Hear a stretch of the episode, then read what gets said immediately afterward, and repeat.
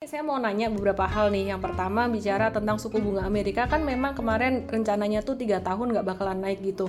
Tapi kemudian kan uh, ini seperti yang tadi Pak Anthony bilang ya, ini ada kekhawatiran akan inflasi di Amerika gitu. Apakah ada kemungkinan nggak sih uh, mereka berubah pikiran untuk naikin suku bunga dikit gitu?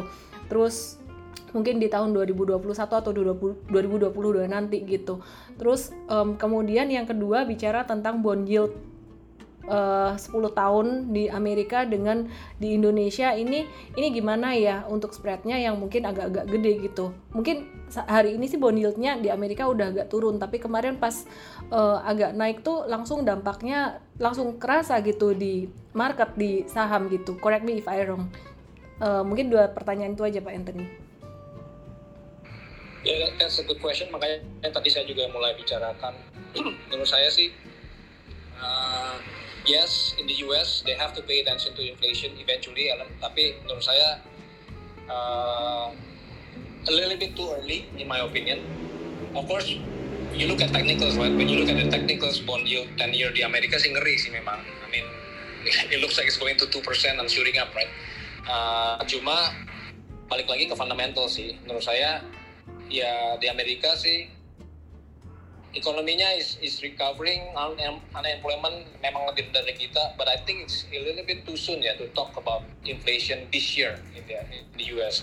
Problem is, I think next year is probably gonna pop up. Jadi kalau dan lagi saya sih merasa Powell akan you know going through what, with, with what he said gitu loh. Maksudnya I don't think he's gonna jack up interest rate tahun ini. Cuman at the same time he is the Fed.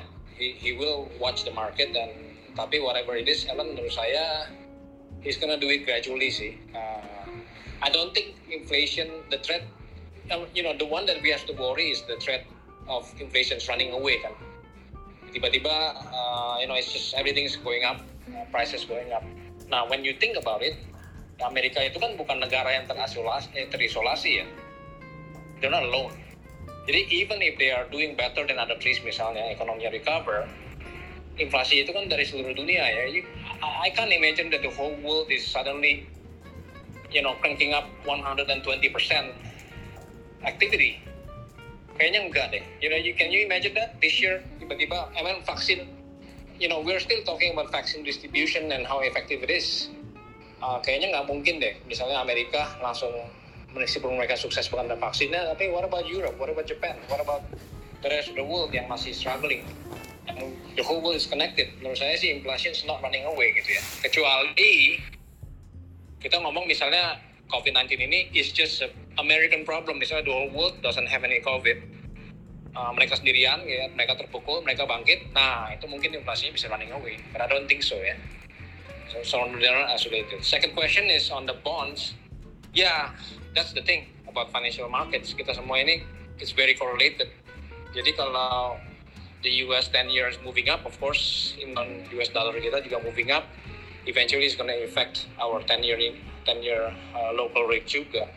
Uh, tapi again, yang saya bilang kita ada, you know, the, the fact that we have some spread dan the fact that inflation kita lebih terkontrol, kita nggak, you know, our 10 year local yield doesn't, you know, trade only on on the apa, correlation with the US market, tapi juga ada efek uh, inflasi lokalnya lah, which I think it's contained in Indonesia.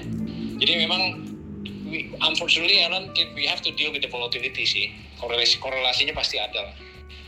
Gitu sih kalau pendapat saya. Oh oke okay. menarik banget.